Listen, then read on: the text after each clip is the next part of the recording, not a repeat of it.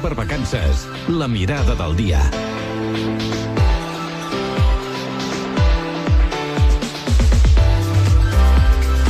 Comencem. A Catalunya hi ha 13 zones considerades vulnerables per contaminació de la seva aigua a causa dels nitrats. Segons l'Agència Catalana de l'Aigua, una contaminació de les aigües subterrànies provocada per una gran concentració d'explotacions agràries, sobretot de porcs, i la gestió que es fa dels purins que produeixen. L'Alt Empordà és una d'aquestes 13 zones i des de la EIA Eden s'han creat la plataforma Salvem l'Empordà de Purins per demanar una moratòria que aturi les ampliacions i creacions de macrogranges a la zona. Per parlar-ne s'acompanya el Raül Domínguez, portaveu de la IA Eden Salvem l'Empordà Empordà. Raül, molt bon dia, què tal? Hola, molt bon dia. Allà també hi tenim la nostra companya de Ràdio Vilafant, la Mercè Mainé. Mercè, bon dia. Bon dia, Rocío. Comencem aquesta conversa, si us sembla, eh, i primer de tot volia preguntar-te, Raül, quina és la situació actual pel que fa a l'obertura de noves granges o ampliacions a l'Alt Empordà? Pues, per desgràcia, seguim igual. Realment eh, no hem canviat res seguim cada pocs mesos o cada mes, podria dir inclús, eh, presentant al·legacions a aquestes ampliacions, a aquestes eh, construccions de noves granges i realment no té aturador, és una passada, no, no hem aconseguit parar aquesta tendència, no? I inclús en alguns casos especials, a part de fer al·legacions, ho hem dut a, a jutjats i hem aconseguit tancar alguna granja o que estigui pendent de tancament. Mm. Um, però, bueno, la tendència segueix sense mateixa i, i, bueno, també és un reflex una mica de com està la pagesia a dia d'avui, no? És un sector molt precaritzat i el fet de tenir una granja o tenir porcs a molts d'ells els implica un, un, un ingrés extra que els ajuda molt. Per tant, quan dèiem que hi ha volta, cada volta més granges, ha ampliacions, hem de tenir en compte també per què, no? I un per què és la precarització dels món de la pagesia. Uh -huh. Clar, demaneu aquesta, aquesta moratòria uh, perquè s'aturin aquestes obertures i per no haver de fer totes aquestes al·legacions que, que comentaves ara. Uh, per, què, per què aquesta, aquesta moratòria que demaneu i una mica uh, en quin punt està? Bueno, la moratòria és molt clar perquè la demanam, la demanam sobretot perquè venim d'uns anys, bastants anys, a més, que cada poc temps es va renovar, bueno, hi ha unes zones que es diuen zones de, de vulnerables per contaminació de nitrats, que són aquests pobles, aquests municipis, que a base de tenir o bé granges o bé que s'hi aboquin aquests purins, contaminen... Sí, o es... pot ser que hi hagi algun municipi que no tingui granja i estigui contaminant. Ah, exacte seria raro, però podria passar, sí, sí. I clar, el que passa és que, que clar, cada poc temps veiem que aquests municipis cada volta són més que aquests aqüífers no s'estan no regenerant, diguem, no s'estan descontaminant. Per tant, quin sentit té seguint ampliant i més porcs i més porcs i més porcs quan és una situació que, que està empitjorant i que veiem que s'està ampliant a cada volta més municipis. Per tant, demanem una moratòria, que comenci ja, de fet ja n'hi ha una aplicada, però només s'aplica precisament en aquestes zones ja contaminades, és a dir, que no es poden fer granges ni es poden ampliar, tot i que en teoria dins d'un any s'acaba, val?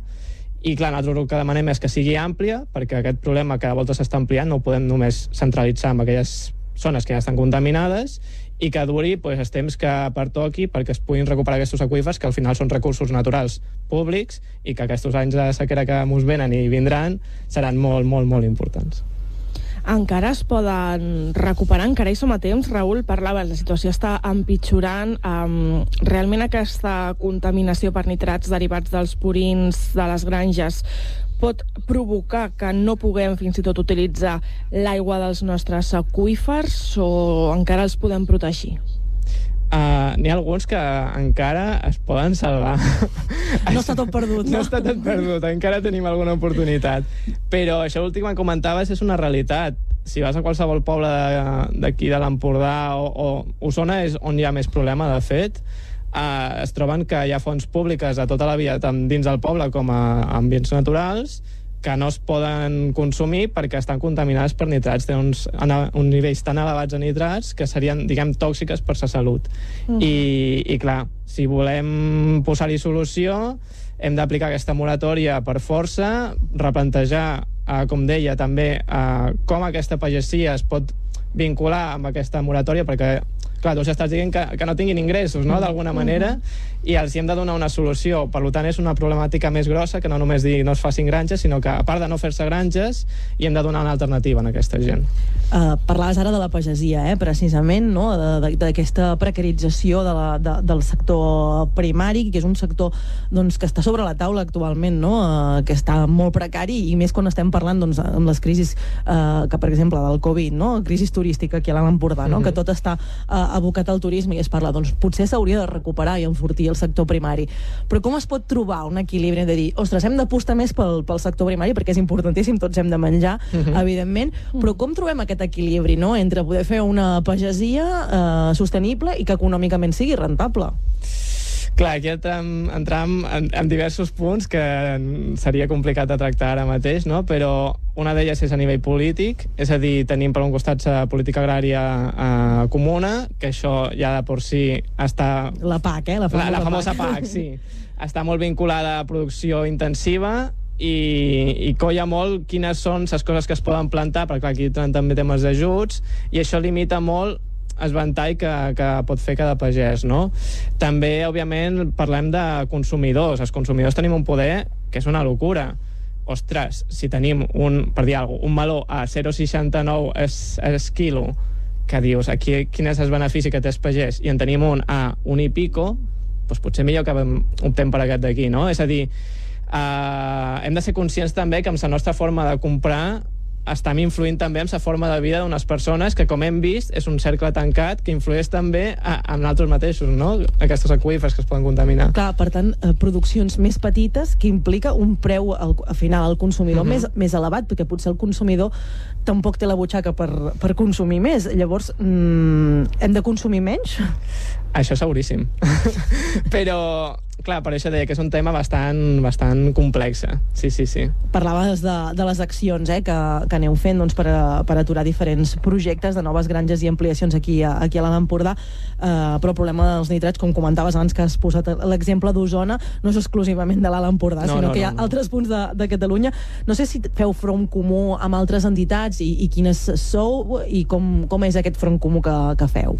Sí, fem col·laboracions més que un front comú. Sí que tenim una cosa que es diu eh, Ecologistes de Catalunya, és una federació de diverses entitats ecologistes de tota Catalunya i treballant doncs, amb gent de Tarragona, amb gent de Lleida, gent de Barcelona i en concret, eh, per casos concrets, no podem dir, tirant d'entitats de, potser una mica més locals. No? Ara, per exemple, ens trobam que, que la Generalitat vol fer un canvi, hi ha un decret que, és, eh, que regula aquestes zones eh, vulnerables per contaminació de nitrats que marca com uns límits, no? És a dir, tu no pots abocar purins a certa distància doncs, d'una riera, d'una població, i ara no em preguntis per què, perquè jo encara m'ho estic preguntant, volen reduir aquestes distàncies. És a dir, que se'ls pugui abocar doncs, més a prop d'una riera, més a prop d'un poble, això més no, a prop de... Això no té molt de sentit, no? Mm, no, per això et dic que jo tampoc ho entenc encara. I eh, serà com la nostra futura lluita. Encara ho estan com pensant una mica, encara no ha sortit a exposició pública, però sí que tenim per segur que quan surti ens ajuntarem uns quants i, i donarem canya. Per exemple, una de les entitats que ja ens ha mostrat el seu interès per participar i que no està dins d'aquesta federació és gent del Ter, que són precisament gent d'Osona que es dedica a treballar tot el tema de purins en aquella comarca. Costa fer fronts comuns com aquest o, o no? Mm, no, realment no. Quan tenim una visió clara conjunta i, i per una lluita en concret, és relativament fàcil, perquè tots ja hi hem estat treballant o hi tenim algun interès o, o tal. Fer coses més complexes sí que és més complicat, perquè cadascú té les seves històries personals i tal, però, però sí, sí. Aquesta lluita que ara parlàveu, aquest front comú amb altres entitats ecologistes, és molt important, però no la podeu fer sols. També necessiteu eh, anar acompanyats d'una legislació, no? Raül, quina, quina seria?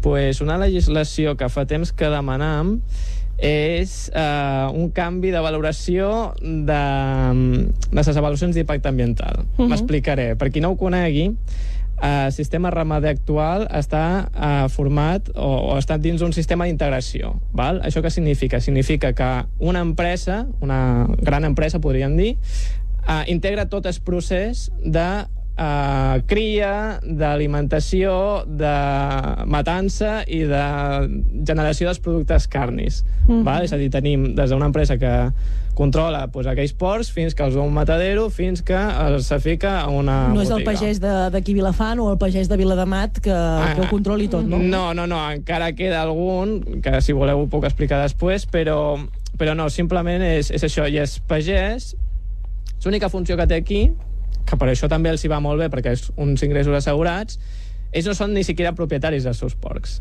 Ells gestionen els porcs d'aquestes empreses, uh -huh. cobren a final de mes i ja està.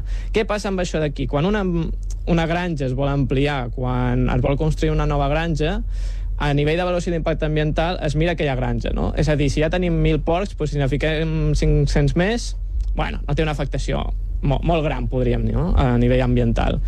Però si miréssim a nivell, no de granja, sinó a nivell d'empresa integradora, primer de tot veuríem que no són 1.000 porcs, sinó que són potser 40.000, i que no s'està ampliant una granja de 500, sinó que són 5 o 6 granges d'aquella empresa integradora que n'està ficant 500 per aquí, 1.000 per allà, 2.000 per no sé on, i això acaba sumant que no només són 500 porcs, sinó que en total d'aquestos 40.000 que ja teníem n'estem augmentant doncs, potser 10.000 més, no? Uh -huh. Clar, aquí, com valores l'administració aquesta ampliació, aquest major volum de porcs és diferent de quan ho fa una granja. Si es fes d'aquesta altra manera, segurament, primer de tot, no tindríem aquesta problemàtica actual, perquè seria impensable tenir cada volta doncs, 10.000 porcs de cop, i eh, ajudaria bastant més a tenir més controlat això. Es podrien ficar topalls, no? per exemple, quants pols pot haver-hi. Eh, el que deia, no? d'aquesta moratòria no només a zones ja contaminades, sinó a zones que encara no ho estan i que no desitgem tampoc que ho estiguin.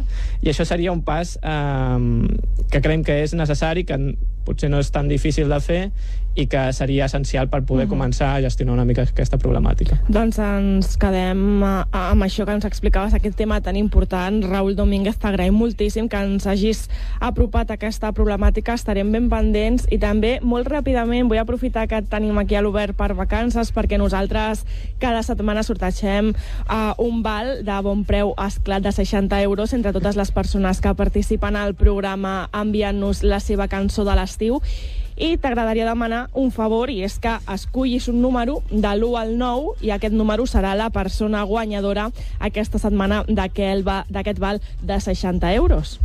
Ostres, quina responsabilitat. pues seré molt clàssic i diré 7. Perfecte, doncs ens apuntem aquest número i un cop més t'agraïm que hagis estat als micròfons de l'Obert per vacances. Que vagi molt bé. Moltes gràcies. I també gràcies a la nostra companya, la Mercè Mainé. Gràcies i que tingueu bon cap de setmana tots. Igualment.